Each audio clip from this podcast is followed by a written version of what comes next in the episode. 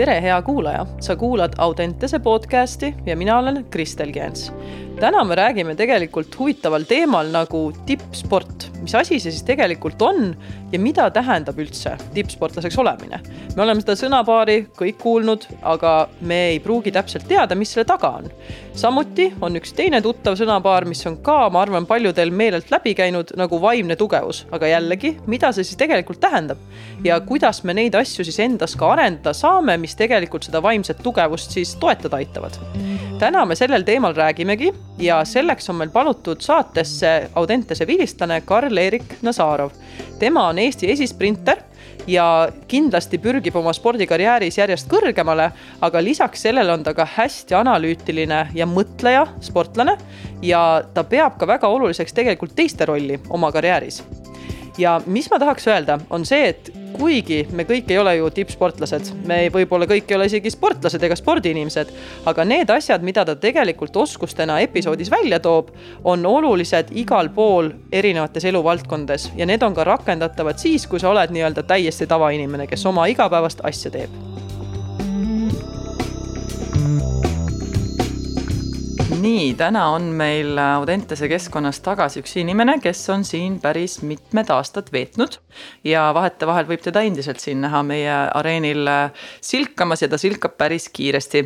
ja selleks on meil siis täna palutud siia Audentse spordigümnaasiumi kunagine vilistlane või tähendab alatine vilistlane Karl-Erik Nazarov, tere tulemast. aitäh kutsumast ja võib-olla alustuseks, kuna sa tulid sisse, siis äh, sa vaatasid siin äh, mingisuguseid äh, töövihikuid ja, ja noh, ikkagi kool ju alles algas ka, et äkki me alustamegi natukene hoopis kooli poolelt. mis huvitavaid ähm, mõtteid sulle kooliaeg toob, kui sellele tagasi mõelda?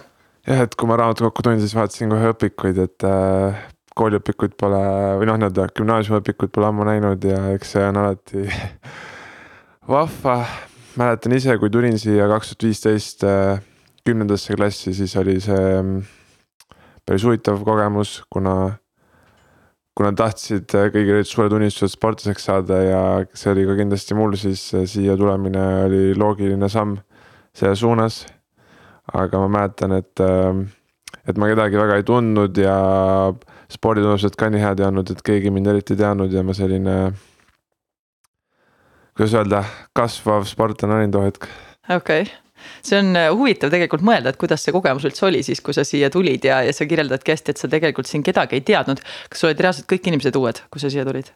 Enda klassis olid jah, kõik uued, et äh, treener, kelle pärast ma tulingi siia äh,, teda ma teadsin ja vanematest äh, klassidest oli ka kindlasti nägusid, kes olid mulle tuttavad, aga enda klass oli täiesti uus, et äh, võib-olla ühte inimest teadsin, et. okei okay., aga läks see sujuvalt või oli seal Jaa. raskusi ka, et sisse elada? ma ütleks nii, et sportlased on, minu arust on sportlased kõige paremad suhtlejad või võtavad omaks, et kui on tiimimängijad, siis nad nagunii ju tegelevad sellega, et tulevad uued mängijad ja.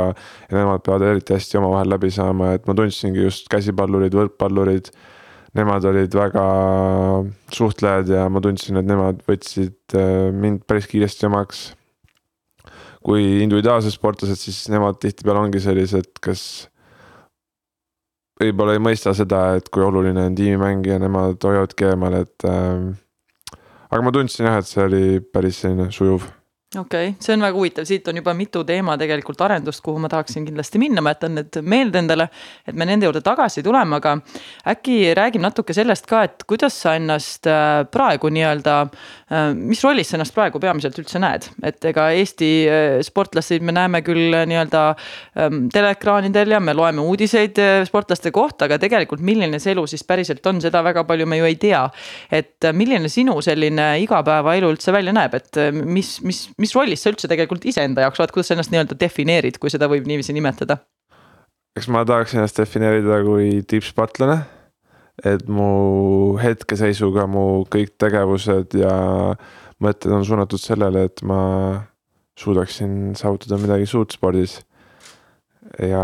ma lihtsalt pean kuulajatele mainima, et sa naeratad, kui sa seda räägid, see on nii tore. et see on, see on nii äge näha nagu kui, kui inimesel lihtsalt kohe, kui sa ütlesid selle välja, et, et ma defineerin ennast ikkagi praegu rohkem nagu nii-öelda tippsportlasena. ja seal ei olnud neid nagu ja nii-öelda vahel ja, ja see, milline naeratus su näole tuli, see on tegelikult jumalast lahe, et sihukest asja ei ole võib-olla kõigil nii, kuidas öelda ähm, mõnus või lõbus või selline välja öelda, et see kohe nagu kehaliselt on näha, et see nagu kuidagi annab sulle midagi. jah, sest ega, ega mul nagu piinlik seda öelda ei ole ja ma olen sellest mõelnud, ma arvan, kui ma olin juba. ma ei tea, kaheksa-üheksa aastane ja kui ma nüüd seda öelda saan lõpuks, siis on lihtsalt hea meel. kui keegi noh, nii-öelda mitte, et ma peas mõtlen, vaid reaalselt ma saan seda kusagil välja öelda, et ma näen ennast sellisena, siis see on jah, minu jaoks, mulle teeb see ainult rõõmu väga tore, aga räägime natuke lähemalt, mida see tippsportlaseks olemine sinu jaoks tähendab, mis asi on tippsportlane? ma arvan, et äh, minu jaoks on see, et see kõik nii-öelda, kui sa hommikul ärkad, kuni sa magama lähed kõik su tegevused, mõtted, kõik, mis sa teed, on sellele suunatud, kuidas saada endast rohkem kätte. kuidas sa magad, kuidas sa sööd, su vaba aja tegevused, kuidas sa ennast arendad väljaspool sporti, treeningud. kui palju sa jaksad trenni teha, kuhu need ajad mahutada, et äh, ma. see minu jaoks ongi tippsportlase olemine, et sa suudad äh, võtta nii palju kui võimalik ja teha kõik muud asjad ka, et sa võid teha kõvasti trenni, aga kui sa sööd nagu. ma ei tea, ainult rämpstoitu ja Coca-Colat ja lähed kell üks magama, vaatad terve õhtu Netflixi, siis.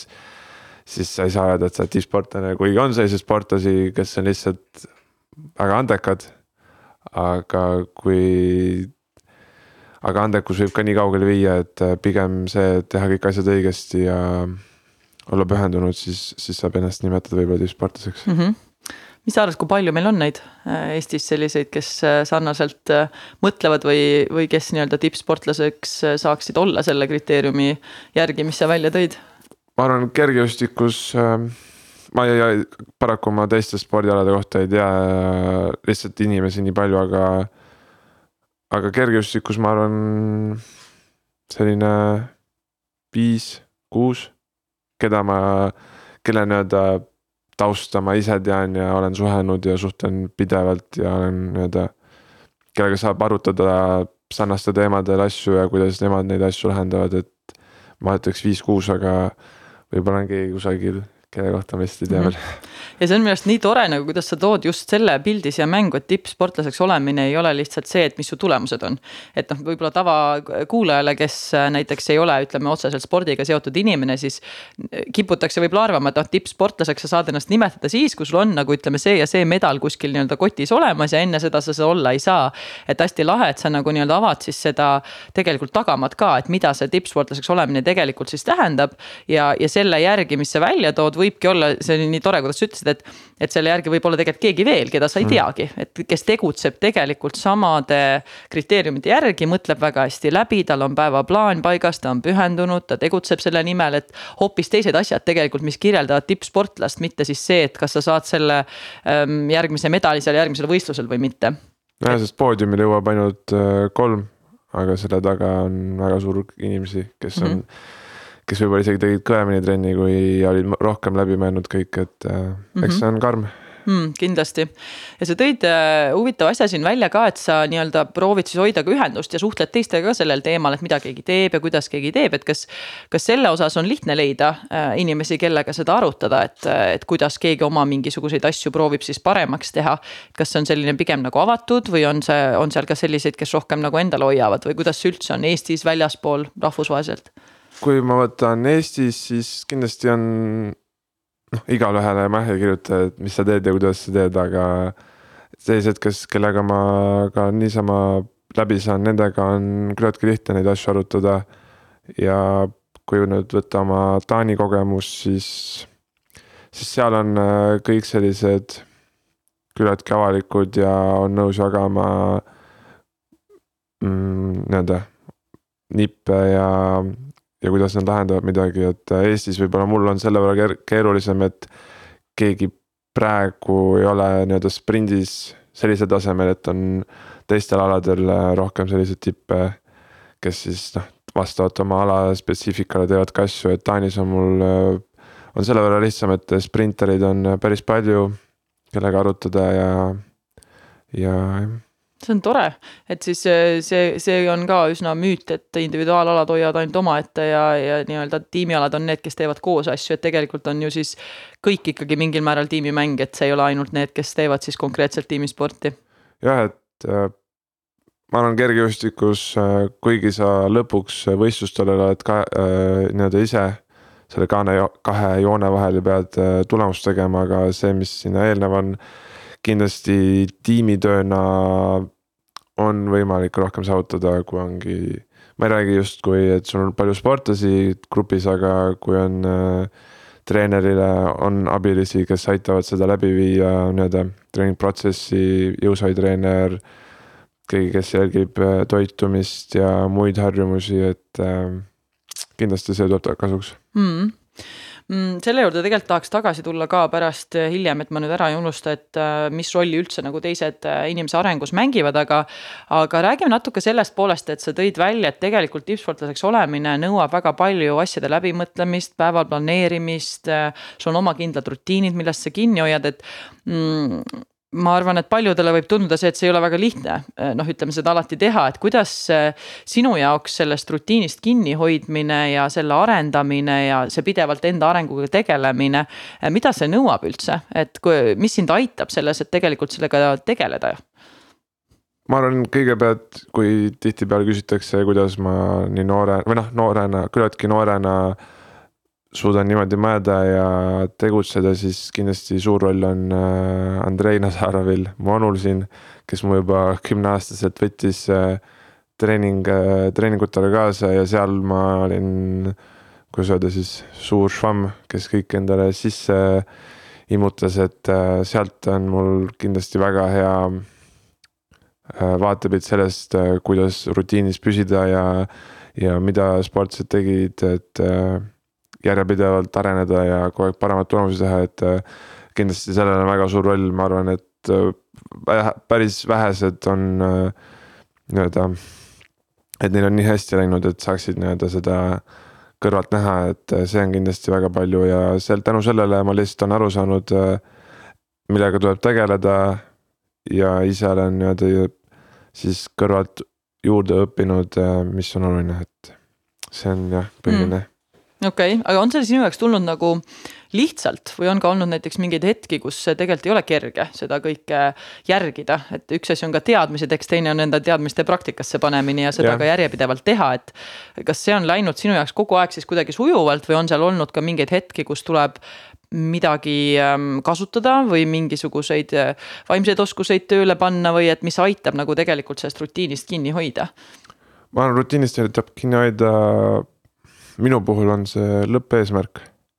et kui ma olen nii-öelda, kui hooaja lõikes vaadata, siis, siis ma lihtsalt olen mõelnud paika juba enne hooaega, mis mu see lõppeesmärk on ja siis teen kõik selle nimel, et sinna jõuda.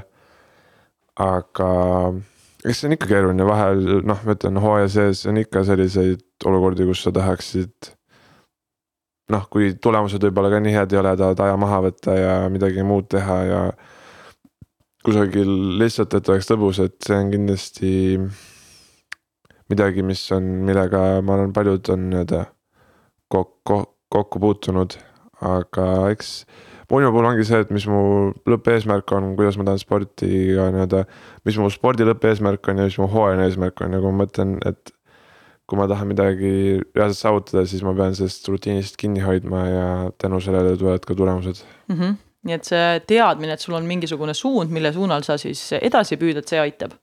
Mm -hmm. kas sa oled selline, kes neid ka üles kirjutab või sa oled rohkem selline, kes lihtsalt teab neid kuskil kuklas? ja mul on need ikkagi üles kirjutatud, et äh, kunagi isegi kirjutasin äh, seina peale kodus, aga nüüd on äh, lihtsalt äh, äh, sellise märkmiku vahel okei okay., ja kas need, äh, minna veel natukene detailsemalt sinna, et kas need eesmärgid on rohkem sellised, mis on seotud sinu pikaajaliste ähm, tulevikusuundadega või nad on hästi konkreetsed mingisugused äh, saavutused, mis sa tahad saada või nad on arengusuunad, mis sa oled endale pannud või mida sa seal. pigem need on jah, nii-öelda need lähevad, kuidas öelda, tasandi kaupa, et, et mul on selline, kuidas öelda, iga hooaeg on, iga hooaeg põhimõtteliselt lõpeb tiitlivõistlusega ja on see tiitlivõistluse eesmärk, mis ma seal saavutada tahan ja siis see läheb nagu aste igavalt allapoole, et mis mul nagu ütleme, et äh, tiitlivõistluse koht, siis mida ma pean hooaja jooksul tegema, mis tulemused nii-öelda see keskmine võiks olla. siis sealt allapoole, mis mul treeningutel on vaja teha, et sinna üldse jõuda.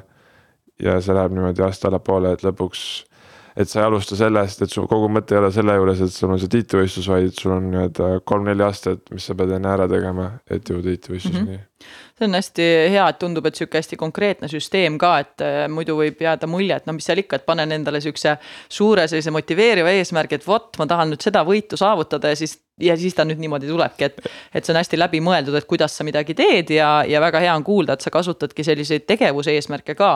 et mida vahepeal kiputakse ära unustama, need tegevuse eesmärgid just, mis tegelikult siis igapäeva toimetamist juhendavad ja mis on need, mis on väga konkreetsed, kontrolli all olevad asjad, et mitte need, mis on tulemustega seotud, et see on, see on väga kihvt. ei no muidugi, igaüks võib kirjutada paberi peale, tahan joosta alla kümne sekundi, aga kui sul reaalselt seda ideed ei ole kuidas seda saavutada, siis sa võid kirjutada iga päev seda, aga midagi ei muutu mm. -hmm okei okay,, ähm, ja siis, kui, äh, kui rääkida veel natukene sellest ka, et ähm, sa näiteks äh, mainisid just, et sa lähed noh, ütleme võistlustele ja siis, kui ei ole kõige paremad tulemused, et siis tuleb võib-olla kõige rohkem seda. et tahaks justkui nagu noh, võtta aega muude asjade jaoks ja on natuke raskem, et kas ähm, nendes olukordades sa oled ka leidnud midagi, mis sind veel toetab peale nende eesmärkide või need eesmärgid ongi peamised asjad, mis on äh, sinu jaoks kuidagi abiks olnud? ma arvan jah, et eesmärgid ja, ja noh, kuidas öelda. Ma võib-olla olen selline sportlane, kes läheb liiga, kuidas öelda, tõsiseks või liiga. et kui mul on see võistlushooaeg ja ma valmistun selleks kogu see periood, ma võib-olla olen liiga. Endale tunnen ka, et ma olen liiga nii-öelda sisse lülitatud selle peale, et mujal maailmas nagu midagi ei toimukski vahel et see on ka kindlasti asi, mida ma õpin, et vahel tulebki aeg maha võtta ja natukene vaadata, mis mujal ka toimub, et see on selline, see on pigem selline tunnetuslik asi, et kuidas sa ise tunned, et vahel, vahel lihtsalt on seda vaja ja siis tulebki see teha midagi muud natukene ja võttagi päev-kaks lihtsalt endale mm. -hmm see on samas jällegi noh, psühholoogiliselt on see väga oluline, et võtta seda aega väljaspool ka, et äh, üks asi see, et saada lihtsalt puhkust ja teine asi see ka, et sa ei jää nagu ainult sellesse Mm, ühte asja kinni, et su identiteet ei keerle ainult selle ühe asja ümber, et kui jah, muidugi spordi tegemine on väga suur osa sinu elust ja tippsportlastel see niiviisi ongi, aga see, et sa näed oma identiteeti natuke ka laiemana, et sa avardad oma seda va vaatenurka erinevatele maailma asjadele ja tuletad meelde, et sa oled ka keegi muu peale sportlase, et äh, sportlane on siiski üks roll, noh, mida mm -hmm. tuleb täita muidugi ja tundub, et see sulle meeldib, nii et okei okay. ähm,, siis sa oled öelnud sellist asja äh,, lugesin, et, et kui isegi on olnud mõni tagasilöök või vigastus või tulemused ei ole olnud kohe sellised, nagu ma lootsin, siis olen üritanud hoida rahulikku pea. mida sa sellega mõtled, see on alati minu jaoks huvitav, kui ma loen sellist äh, äh lauset või sellist ütlust, ma nüüd täpselt ei mäleta, millises äh, meediaväljaandes see oli, ma arvan, et see oli Postimees äkki, ma ei ole päris kindel. ma vist aga... ütlesin selles intervjuus mm. -hmm, äh, mm -hmm see oli Pealtnägijas, jah. ja küsimus, mu see vastus oli küsimusele, et, äh, et kuidas sa, umbes, et kuidas sa reageerid, kui ei olegi tulemused nii head olnud või. aga see, see vastus, mida ma mõtlen, et äh, rahuliku pea, et äh, kuidas öelda, väga lihtne oleks, kui hooaeg ei õnnestu või võistlus ei õnnestu, siis lööd käega, ütled, et mul aitab sellest, mul on kopp ees ja ma tahan midagi muud teha, et see on nii-öelda kõige lihtsam lahendus alati, et lihtsalt käega lüüa. ja mida ma rahuliku peal mõtlengi, et lihtsalt nii-öelda see hooaeg saab läbi ja siis see rahulik pea nagu tulebki mängu, et et sa ei tee mingeid tormakaid otsuseid ja ei rutta millestki ette, vaid reaalselt äh, rahuned maha. teed selle analüüsi selle hooaja või võistluse kohta, miks see ei õnnestunud ja siis teed sellest vastavad järeldused, et kas sa suudad arendada ennast edasi või, või see kaotus oligi nii suur, et sa ei taha enam, et äh, see, ma, see on, mida ma mõtlesin selle all mm. -hmm. et sihuke rahulikult läbimõtlemine ja analüüsimine, et mis siis tegelikult oli ja sealt teha siis järeldused edasiseks. Mm -hmm. ja ähm, räägime natuke sellest ka, et ähm, kasutatakse Mm, ütlust vaimne tugevus, paljud räägivad sellest, aga selle taga võib olla nii palju erinevaid arusaami, mida keegi arvab, et mis asi see vaimne tugevus on, et. Mm, mis sinu jaoks vaimne tugevus üldse tähendab, kuidas sa mõistad vaimset tugevust, et kuidas sa kirjeldaksid seda enda jaoks? ma ütleks nii, et, et sa ei lase millelgi ennast mõjutada ükskõik, ükskõik mis see ka oleks, et kui sul on noh, et kui sul ongi mingisugune tegevus, millele sa oled pühendunud ja selle protsessi jooksul midagi juhtub sinuga või, või asjad ei lähe nii, nagu sa tahad ja välised tegurid tulevad mängu, et. minu jaoks on see vaimne tugevus, et sind lihtsalt äh, noh, lihtsalt öeldes ei huvita, mis toimub ja sa nii-öelda hoiad pea maas ja teed oma asja edasi mm. -hmm siin ma tahaks nüüd kohe natuke oponeerida ja küsida, aga mis saab siis, kui äh, ma teen, mul on eesmärk ja ma, ma teen ja ma pingutan, ütleme pingutamisega pole probleemi. aga tegelikult see protsess, kuidas ma seda teen, on vale et ku, kuidas nagu sellele, see erinevus teha, et millal tuleb nagu selline ähm, vaimne tugevus, et ma tõesti tean, mida ma teen ja ma nagu nii-öelda pingutan, aga samas, et ma nagu ei kaotaks ära seda, et ma nagu lihtsalt teen silmaklappidega midagi. et äh, kas. minu kas... puhul mis ma oskaks selle peale öelda, et äh, no ütleme näiteks, et sul on, sa, sinu küsimus oli see, et see on nagu treeningprotsess ei ole õige või, mis sa mõtlesid selle all? just ma mõtlen, ma mõtlen just sportlaste seisukohast, no näiteks kui meid noored praegu kuulavad, eks yeah., loodetavasti keegi kuulab kuskil või ka mitte noored. et äh, tänapäeval räägitakse väga palju sellest, et just see nagu see nii-öelda hambad ristis pingutamine on üliülitähtis ja see mm -hmm. ongi mingitel hetkedel tähtis. aga samas äh, on vahe targalt pingutamisel ja sellel, et ma lihtsalt pingutan, sest mul on see plaan ja, ja, ja mida vahepeal juhtub, ongi see, et sellesse plaani kinni jäämine ja nii-öelda silmad kinni või silmaklappidega pingutamine tegelikult viib sinna, kus äh, see võib arengut isegi kahjustada. Äh, sest lihtsalt see protsess iseenesest ei ole selline, mida sa oleksid analüüsinud vahepeal. et sellepärast ma nagu küsingi, et ja see ei ole üldse selleks, et ma tahan sinuga vaielda yeah,, yeah. ma lihtsalt tõstatan teemasid. ja, ja, ja see ongi nagu minu jaoks alati see murekoht, kui, kui tuuakse sisse sõna vaimne tugevus, sest see tekitab minus esimese reaktsioonina just selle, et, et see on see nii-öelda see nui neljaks kogu aeg nagu edasipanemine. ja ma olen nõus, et tuleb vältida igasuguseid või mitte vältida, aga tuleb osata toime tulla nendega, kui keegi näiteks üritab sind sellelt teelt kõrvale viia, eks, või kommenteerib midagi või viskab mingi suvalise asja õhku. aga, aga kuidas just teha vahet, et see on nagu see targalt edasi pingutamine versus see, et ma lihtsalt kinni silmi silmaklappidega panen edasi, kuigi tegelikult noh, ta ei ole jätkusuutlik no ma ütleks nii, et äh, mis minu puhul on, et mul võib olla näiteks maailma parim treeningplaan ja kõik asjad. aga kui ma sellesse ise reaalselt ei usu, siis sellest ei tule midagi välja. et äh, kui mul ongi reaalne, kui on mingi asi, millesse ma usun, siis ma võingi seda teha silmad kinni, raiuda, raiuda edasi lihtsalt äh, noh, et mitte miski ei peata, minu puhul ma arvan see, et kui sa reaalselt milleski, milleski usud siis tee seda ja kui sa ei usu, siis sa aru, et sa ise ka nagu ei saa, ei ole nagu täiesti pühendunud sellesse ja sa ei usu, et see on võimalik. siis jah, tuleks pigem tõmmata tagasi mm, -hmm. et see on minu mm, -hmm. kuidas ma seda näen. okei okay.. sest noh, ma ütleks nii, et mul on olnud olukordi, kus ma olengi pingutanud äh, meeletult. aga pea taga on kusagil see mõte olnud, et äh, et see ei ole õige ja siis ma olengi selle muudatuse teinud. et noh mm -hmm., ma saan aru ka, mis sa mõtled, et äh, mul on olnud selliseid olukordi, kus ma näen, et äh,, et see töö ei vii mind sinna, kuhu ma tahan, aga ma ikkagi teen ja teen ja teen.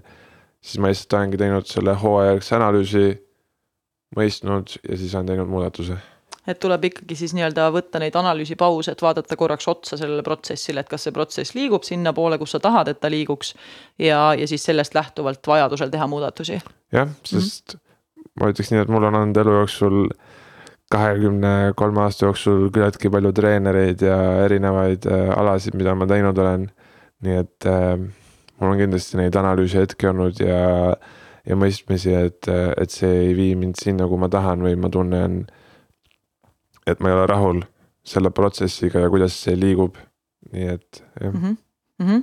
ja, ja see on hästi oluline, oluline punkt jälle ja noh, miks ma tõstatan, ongi see, et, et ei jääks sellist, sellist muljet, et alati nagu nii-öelda silmad kinni tegutsemine on, on kasulik, sest et eh, eriti kui noored, kellel ei ole nii palju teadmisi ja kes ei oska võib-olla ise nii hästi ennast tunnetada, et siis nad võivadki saada sellise noh, mida ma olen kuulnud osadelt treeneritelt ka vahepeal, et, et võetakse kuskilt kellegi mingi tipu eeskuju, ütleme, treeningplaan ja vot mina pean ka nüüd kolm korda päevas treenima ja ma pean umbes selle kõrval ka tegelikult ju koolis käima ja kõike muud mm -hmm. tegema, et, et me unustame unustame nagu selle ära, et mis on vahe see nii-öelda päriselt kasulikult pingutamine, mis on arenguks vajalik ja see, mis on siis tegelikult äh, ülepingutamine.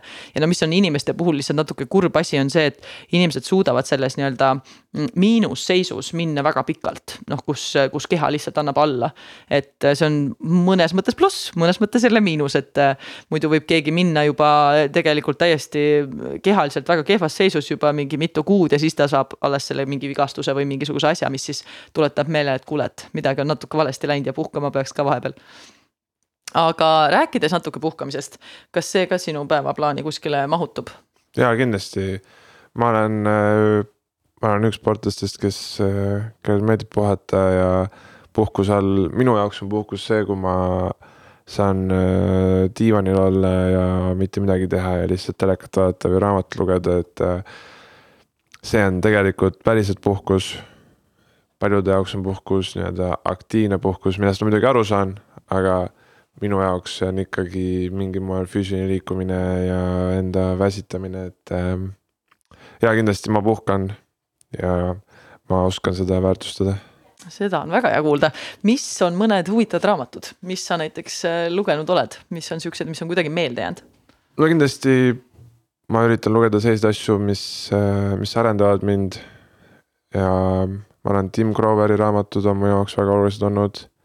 ja natuke loen ka selliseid, kuidas öelda äh,, Dale Carnegie'i raamatud olen lugenud, et ma pealkirju ei hakka ütlema, aga, aga need tema, tema nii-öelda raamatud on päris põnevad olnud mulle mm. -hmm. ja need on ka siis alati kuidagi enesearenguga seotud? jah yeah. mm, -hmm. ma praegu tunnen, et pigem, äh, pigem meeldib mul lugeda selliseid asju, mis arendavad, mitte nii palju ilukirjandust veel mm. -hmm ma arvan, ma seda ei oska veel väärtustada nüüd äh, ma ei hakka seda küsima, aga muidu siis tuleks kohe tagasi selle juurde, et kes sind koolis õpetas, et sa niiviisi sellise, ütleme, kogemusega ära oled läinud, aga.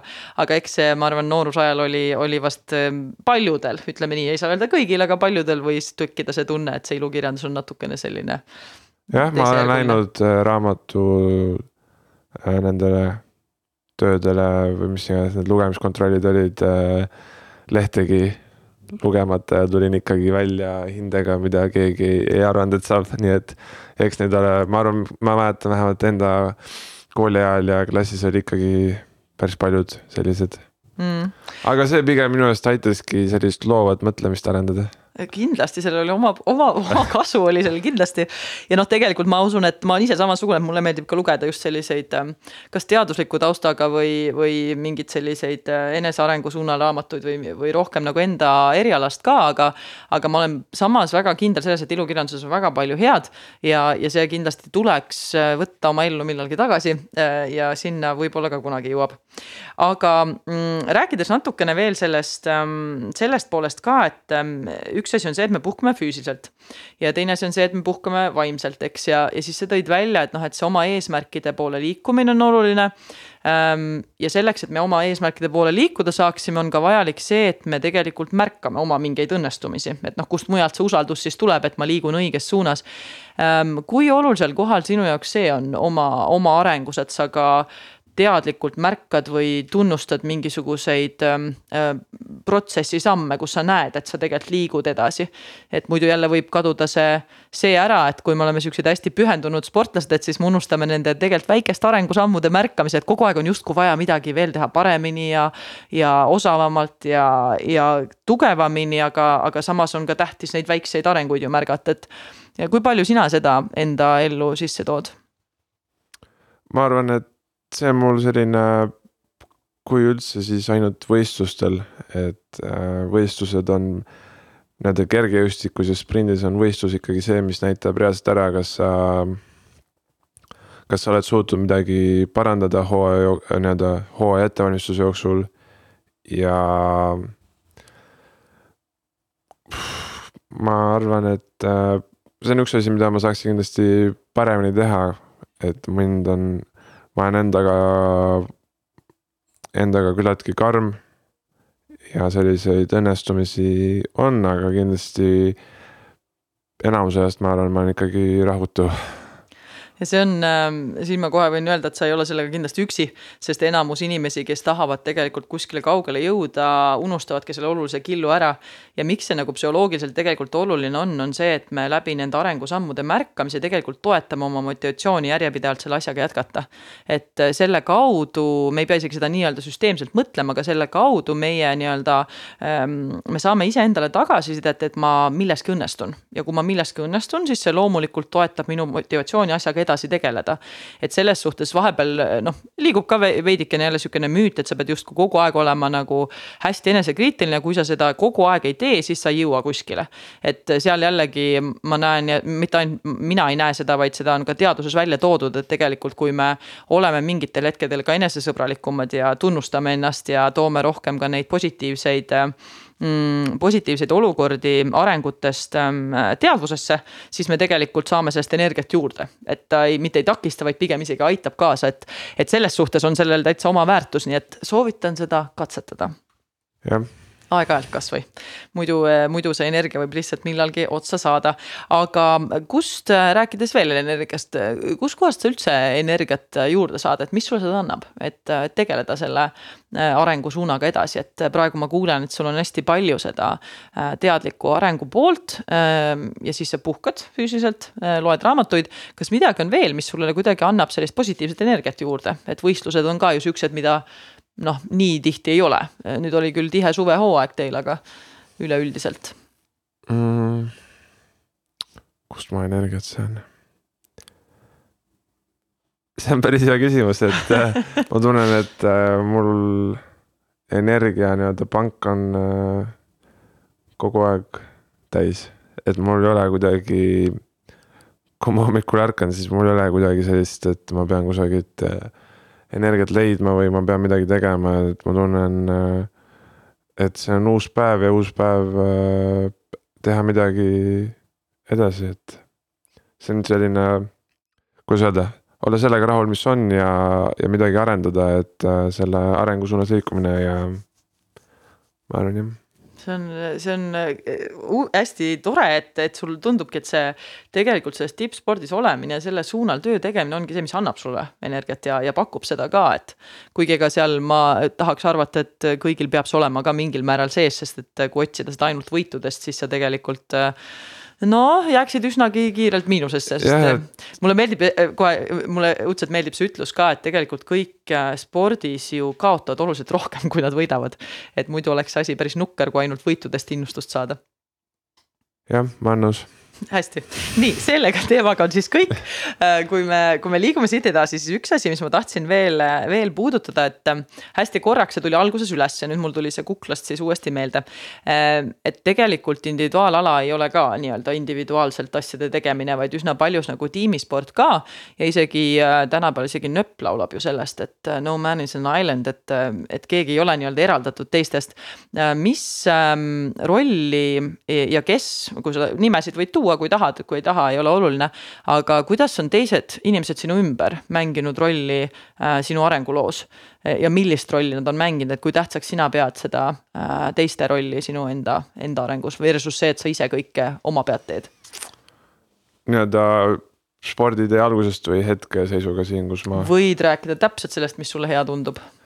no, noh, kindlasti Andrei, nagu ma juba mainisin, kindlasti tõi mu siia kergejõustikumaailmasse ja, ja läbi tema ma olen juba väiksest peale söögilauas istunud, ma arvan, kolmeteist-neljateistaastased äh, tippsportlaste ja spordi, äh, spordis tähtsate inimestega, et kindlasti tema on äh, väga suur osa sellest, et ma üldse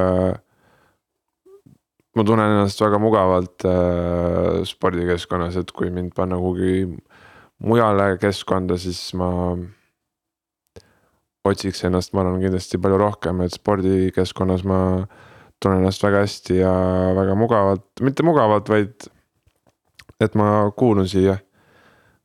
ja sealt edasi kindlasti on mul palju treenereid olnud. kes, kes mõistsid, et ma ei olnud varase arenguga ja pigem selline hilise arenguga ja gümnaasiumi lõpus hakkasid mul need tulemused tulema, et keegi pole mind kunagi nii-öelda üle forsseerinud, et ma pean noorena tulemusi tegema ja keegi ei ole ka väga käega löönud, et sinust ei saa asja. kuigi kindlasti noh, seda on, ma olen ise kõrvalt tundnud, et mõni treener võib-olla ei usu arengusse nii palju kui mina, aga see, see on nende teha, et äh, aga hetkeseisuga ma arvan, on, on mul äh, Taanis treener Mikkel Larsen kellega ma siis äh, varsti saab alles esimene aasta koostööd ja tema ümber on siis äh, selline, me kutsume teda performance analyst. ehk siis tema on rohkem see, kes äh, filmib meie jookse, filmib meie võistlusi ja teeb võistluste kohta väga põhjalikke analüüse. mis meie tippkiirus oli, meie maximum velocity, sammu pikkus ähm, kui näiteks saja meetri jooks on siis esimene kolmkümmend, kolmkümmend kuni kuuskümmend, kuuskümmend kuni kaheksakümmend, kaheksakümmend kuni sada, et. Äh, tema tegeleb selle analüüsiga. ja nii-öelda ta on ka tehnilise poole pealt äh, väga kasulik olnud meile.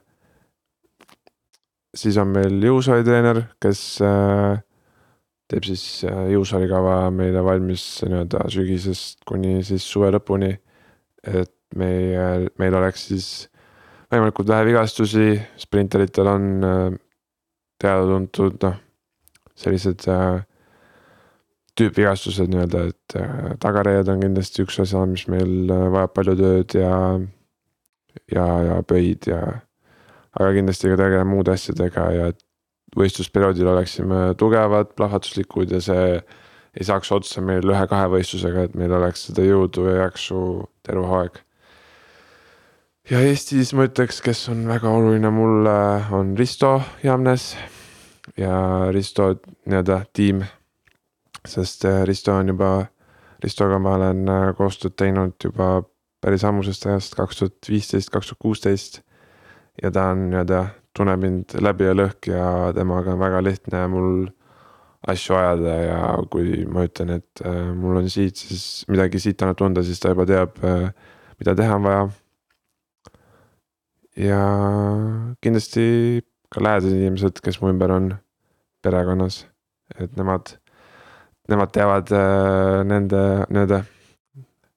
ma nende rolle ei pea välja tooma, sest nad teavad ise väga hästi, mis nad -hmm. teevad, et äh, jah mm. -hmm ja sa nimetasid päris palju erinevaid inimesi, et tundubki, et tegelikult on väga paljudel inimestel roll selles, et kuidas sinu arenguteekond kujuneb. ja neil kõigil on nagu oluline roll, et kui mõelda sellele, et meid näiteks kuulavadki huviga sellised, no kujutame ette näiteks treenerid, loodetavasti neid ka on, kes kuulavad. et ja nemad tahavad näiteks õppida, et okei okay,, et ma tahan ka olla selles mõttes treener, keda sportlane usaldab ja et ta tunneks seda, et temasse usutakse, nagu sa ütlesid ja ei nii-öelda Äh, kahelda selles, et ta kuskile jõuda võib. Äh, mis sa oskaksid oma kogemustest välja tuua, et mida treenerid käitumistes teevad?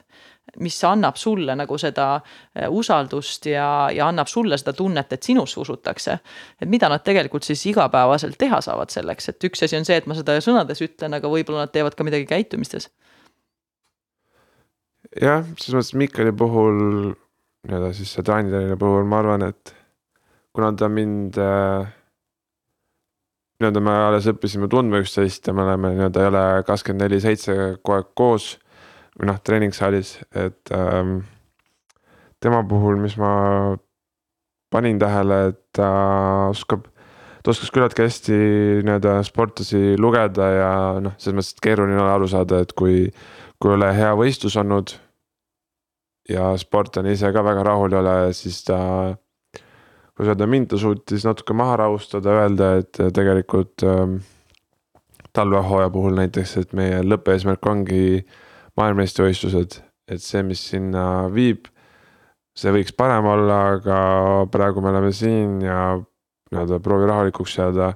aga samas tema on ka selline, et äh, kui sul ongi näiteks mingi suur võit, siis ta ei haibi sind veel rohkem kõrgemale, et sa tunneksid ennast veel paremini, et ta on nii-öelda noh, see nagu ta kaks kohta, et kas sa tunned end halvasti et sul ei ole õnnestunud, siis ta toob su siia keskele, kus sa tunned ennast neutraalselt. ja samas, kui sa võidad ja sa tunned, et sa oled nüüd ülikõva vend, siis ta toob su ikkagi tagasi maa peale, et, et see keskpunkt on nii-öelda kõige mhm. parem. ja see, ma arvan, ongi, mis mulle tema puhul meeldib ja kuidas meil see nii-öelda, kuidas ma temast olengi aru saanud, et äh, kõige lihtsam on sporti teha, kui sa oled küllaltki neutraalses seisundis mm. -hmm. ja sellega tegelikult huvitaval kombel äh, jällegi psühholoogia mõistes loogilisel kombel ta toob su tagasi sinna, et keskenduda protsessile, mis sa igapäevaselt teed, et kui ei lähe nii võistlus nagu tahaksid, siis jällegi protsess on oluline, mis on see pikk perspektiiv, mille suunal me tööd teeme ja hakkame lihtsalt uuesti pihta. ja samamoodi see, kui tekib see tunne, et võistlus läks nii hästi, et nüüd on nagu sihuke uhuhuu, et, et siis jällegi, aga mis meil protsess on, tuleme mm -hmm. jälle selle igapäevase asja juurde tagasi. et tegelikult väga targalt äh, rõhutab ja annab siis oma käitumises edasi seda, et tegelikult pikaajaline arenguprotsess on tähtis, mitte see, mis su see võistlustulemus otseselt tollel hetkel oli. et see hästi lahedalt toob igast erinevaid asju sisse ja samas see aktsepteerimine ka, et aktsepteerida, et praegu on olukord nii, aga vaatame, mis me nüüd edasi teeme et hästi-hästi kihvt, okei okay.. Äh, kas midagi noorusaegadest ka, et sa ütlesid, et noorusaegadel ka sa ei olnud selline noh, äh, hästi selline suur talent kohe alguses, et äh, mis seal olid treenerite käitumistes need, mis tegelikult sulle arengus kasulikuks tulid? Ma arvan, et oligi erinevaid näitlejaid lihtsalt äh, sportlastest, et äh, üks, mida ma kuulsin, oli tihti, et Erki Nool äh, hakkas alles pärast gümnaasiumit tegema. Andrei tegelikult oli ka selline, kes hakkas kasvama, ma olin päris lühike tegelikult ja kui pilte näha, siis, siis mind peaaegu et ei olnudki olemas et lihtsalt need näitajad ongi noh, nii-öelda toodi siis näiteid, kuidas on sportlasi olnud, kes on sarnased olnud hilise arenguga, hilise kasvuga ja lihtsalt jätta rahulikuks mind. aga, aga need, et keegi, ma arvan, et ei löönudki käega ja öelnud, et äh, sinust ei saa asja ja pigem lõpeta ära, et lihtsalt. jah, ma arvan, et äh, usuti, et äh, üks hetk ma kasvan ja arenen ja kui see toimub, siis ma olen nii-öelda vaimselt olen selleks valmis juba, et hakata tegutsema mm. -hmm see on nii, nii lahe, et kui oluline tegelikult on nende inimeste roll ja eriti võib-olla noortetreeneritel võib-olla isegi natuke veel rohkem, et, et, et sa jääksid sinna spordi juurde, et kui ikkagi selles eas juba antakse edasi seda sõnumit, et tegelikult ainult tulemus loeb, on ju, ja mis asja, et see nüüd ei olnud selline, et siis äh,, siis on väga raske sealt nagu leida iseenda sees seda, kindlasti on ka neid, kes seda ikkagi suudavad sealt veel edasi minna, aga see on väga keeruline. ja ma ütleks, et noorest peast äh, mina ma mõtlen mingi neliteist kuni seitseteist, kaheksateist. ma ütleks, et ma ei teinud väga, noh, ma tegin tõsiselt trenni ja nii-öelda, nii-öelda, et see pingutamisoskus tuleks, aga ma arvan, et kui ma vaatan praegu, kuidas teevad äh, nii-öelda selles vanuses sportlased, siis see on väga professionaalne juba väga vara, nii-öelda väga varakult ja ma tunnen enda puhul, mida ma arvan, et kui ma oleks olnud äh, neljateist, seitsmeteist aastat teinud väga tõsiselt ja nii-öelda spordi kõrvalt väga pühendunud ja mingi. kui mul keegi oleks öelnud viieteist aastaselt, et sa pead jälgima, mida sa sööd. siis ma arvan, et ma praegu ei teeks enam sporti ja oleks mingil muul äh, alal tegutseksin, sest minu meelest too, see periood ongi see, kus sa söödki krõpsu ja ma ei tea, mängidki arvutismänge ja lähed magama võib-olla natuke hiljem ja teedki mingeid asju, mida laps peab tegema. et kui see ära kaob, siis minu jaoks on see päris kehv et ikka noorena jääks see lõbususe osa ja, ja, ja muu elu ka oluliseks, et ei ole ainult see spordikeskne.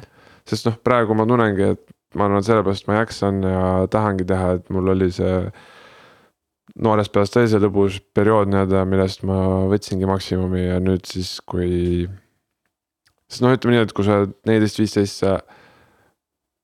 reaalsuses on see, et kui sa tuledki juuniorite Euroopa meistriks või mingiks meistriks, siis. kui sa saad täiskasvanuks ja tuleb see, sul tuleb see tiitel, et sa võistled täiskasvanute tiitlivõistluse, siis kedagi ei huvita, mis medalid sul olid. jaa, absoluutselt. et jah äh, mis sa arvad, kas noorte eas oleks ka kasu sellest, mida praegu Taani treener sulle edasi annab, et tuua tagasi sinna protsessi juurde ja mitte keskenduda sellele, kuidas see võistlustulemus otseselt oli? Jah, ma arvan küll, et. see on jah, ma arvan, et see võib päris keeruline olla, kuueteistaastasel, kes on just tulnud juuniorite maailmameistriks, ma ütlen, et kui see tuleb, kui see tulemus tuleb läbi selle, et sul on lõbus ja fun ja lihtsalt tulin võistlema ja läks nii. siis see on, noh, siis see näitabki, et on tegemist meeletu talendiga. aga kui see on tulnud läbi selle, et sa tunned kuueteistaastaselt, sa terve aastaid pühendunud ja pidin seda ja teist ja kolmandat tegema, et ma varsti ei jaksa nii teha. siis see on kehv ja et see naudingu osa ikkagi ära ei kaoks selle juurest, et see on väga oluline. Ja samas sa ütlesid ka seda, et tegelikult pingutama õppimine on oluline noorena, et seda sa pead ikka õppima ja selles mõttes treeningute sees sa ikkagi teed asju, mis on nii-öelda pingutust nõudvad, et see ei ole nüüd see ka, et viskame jalad seinale ja teeme ainult nii, et naerame terve trenni, eks, aga aga just see tasakaal, et noortel oleks seda lõbusust ka sealjuures ja natuke vabadust siis rohkem. okei okay,, mm, kui nüüd ähm, siin aeg hakkab natukene sinna lõpupoole liikuma, siis äh, ma tahaks natuke sellest ka rääkida, et ähm, kuidas sa iseennast näed äh, sportlasena, et äh, nüüd oled sina ikkagi juba teistele eeskujuks ja, ja sina tõid välja ise, et sulle toodi Äh, noorena erinevaid eeskujusid, kes tegelikult aitasid sul mingitest raskestest hetkedest üle minna, et mida sina ise tahad teistele edasi anda eeskujuna, tahad sa või mitte, see sa hetkel oled mm,? ma arvan, et äh, ma teengi, ma teen küllaltki ebatavalist asja, et ma üritan sprindis eestlasena läbi lüüa, mida, kui ma seda nii-öelda protsessi alustasin, et ma ma olen teinud äh, mingil moel mitmevõistlust äh,, natukene neljasadat tõket, et äh, ma arvan, et äh, minu see, minu nii-öelda eesmärk ja kuidas ma tahan nii-öelda eeskuju olla, ongi see, et äh, tegelikult sa võid teha seda ala, mida sa tahad. Mis sa sisimas tunned, et on äh, sinu ala ja mille üle sa kõige rohkem rõõmu tunned, et ma tundsingi seda, et et need teised alad ei paku mulle seda rõõmu, mis pakub äh, nii-öelda lühike sprint. ja praegu ma arvan, et ma olengi väga rõõmus ja õnnelik, et ma saan teha seda ala, mis ma tegelikult sisimas kõige rohkem tahtsingi. ja lihtsalt andagi seda julgust ja ma arvangi just julgust, et sa võidki teha, kui sa tahad teha sprinti, siis tee seda või kui sa tahad mingil alal, kus ei ole Eestis pikka ajalugu ees, et kui sa tahadki seda teha, siis lihtsalt mine ja tee mm. -hmm okei okay., ja, ja kui äh, näiteks keegi, ütleme nähtamatuna, saaks vaadata sinu päeva äh,, sinu, ütleme igapäevast, võtame pikema perioodi, nädala või kuu näiteks lõikes. mida sa tahaksid, et äh, tema sellest kaasa võtaks? Kui ta nüüd läheb kellelegi ja kirjeldab näiteks seda, et äh, vot, ta on selline, selline, selline inimene, mida, mida sa tahaksid, et äh, sinust kaasa võetaks, kui keegi lihtsalt jälgib sinu igapäeva tegemisi, olekut, käitumisi, mida oleks hea kuulda? ma arvan, et siis reaalselt äh, peaks keegi tulema sest ma niimoodi. ma ei oskagi öelda. Ma arvan, et seda peab võib-olla küsima inimeste käest, kes on minuga päevad läbi või, või kui keegi ma ei teagi. see on jah, selline. ma olen treeningprotsessis, et äh, jah, see on päris keeruline küsimus mulle meeldibki keerulisi küsimusi küsida aeg-ajalt. ma lihtsalt tegelikult katsetasin, kas, kas ka, oled sa selliste asjade peale mõelnud, sest see on asi, mille peale me tihtipeale ei mõtle. et, et üks asi on see, mis me räägime ja, ja mida võib-olla mingitel hetkedel keegi näeb, aga vahepeal täitsa tasubki mõelda, et. et kui keegi mind jälgiks igapäevaselt, mida ma ja mitte see, mis, mis ta tegelikult võtab kaasa, vaid küsida endalt seda küsimust, et mida ma tahaks, et ta võtaks et lasta nagu selles mõttes nii-öelda minna, sest see küsimus võib tegelikult näidata, et mis on mulle inimesena olulised väärtused. kui ma küsin enda käest seda, et kui keegi jälgib mind kuu aega kõrvalt, ilma et ma üldse teda teaks, et ta mind jälgib, mida ma tahaks, et ta näeks minu igapäevas kas ma tahan, et ta näeks professionaalsust, kas ma tahan, et ta näeks järjepidevust, kas ma tahan, et ta näeks lõbusust. kas ma tahan, et ta näeks naudingut, et mis mm -hmm. asjad need on tegelikult, mis nagu ülesse tulevad. aga see ei ole kindlasti mitte lihtne ja kiire küsimus, et ta ongi sihuke, mis vajab natuke mõtlemist ma arvan seda, et äh, mis mul nüüd kohe tuleb mõte, ongi trenni minna hea tujuga mm. -hmm. iga trenni, et ei ole see, et, et sa lähed sinna trenni, mis sulle meeldib ja see trenn, mis kerge on, vaid igasse trenni väike naerutusnäol. ma arvan, see on kõige parem asi, mida ma ise näen ka tegelikult, kui nüüd minna Audentese spordihalli ukse juurde ja vaadata, mitu inimest tulevad reaalselt rõõmsa näoga, siis ma arvan, et see on. protsentuaalselt on see äkki viisteist protsenti. seda, seda ma olen ise ka jälginud võib-olla, mis mul tuligi, miks mul see tuli, oligi, et äh, tihti tullakse päris morna näoga, nagu oleks see mingi sundtöökoht. eriti pika... laste puhul jah, ja sealt pikka karjääri ei tule ka, ma arvan. Ja.. jah, see on väga hea mõte, sellega võikski võib-olla, võib-olla lõpetada ja ma arvan, et seesama põhimõte ei pruugi isegi rakenduda ainult spordis, see võib olla ka ja. mujal nii, et, et natukene siis tuua seda lõbusust siiski sisse ka, ka nii-öelda tõsisesse tööprotsessi. et see pigem aitab kaasa ähm,. küsin veel seda, et kas midagi on sellist, mis sa ise tahaksid veel ähm, kindlasti välja tuua või mida ma ei osanud küsida, et mida sa tunned, et sa õudselt tahaksid jagada, et äkki ma lihtsalt ise ka ei osanud ähm, kuskile meid viia? kohe niimoodi ei tulegi pähe midagi. oleme päris hästi nii-öelda, mis asjad minu jaoks olulised on, ma arvan, neid me, need teemasid me arutasime siis on hästi, ühe ülesandega ma olen täna hakkama saanud, ristikene kirja. Äh, ja kes teab, võib-olla meil tuleb neid vestluseid veelgi, igal juhul äh, mina väga tänan sind selle tulemise eest ja, ja õnneks sain ma lõpuks sulle pihta ka pärast seda pikka aega proovimist. et äh, võin kohe öelda, et tippsportlastega aegade kokkuleppimine ei ole kõige lihtsam asi, aga järjepidevus, järjepidevus viib sihile. nii et igal juhul aitäh, et sa tulid, tõesti väga-väga huvitav oli rääkida nendel teemadel. Mm, ja aitäh ka meie kuulajatele Äh, aitäh, et te olete olnud meiega sellel vestlusel kaasas ja kindlasti kirjutage meile, andke enda mõtetest teada audentes at podcast punkt ee. nüüd ütlesin selle valesti ja ütlen uuesti. podcast at audentes punkt ee on tegelikult see meil, kus me ootame teie mõtteid. nii et aitäh teile ka kuulamast. aitäh. thank you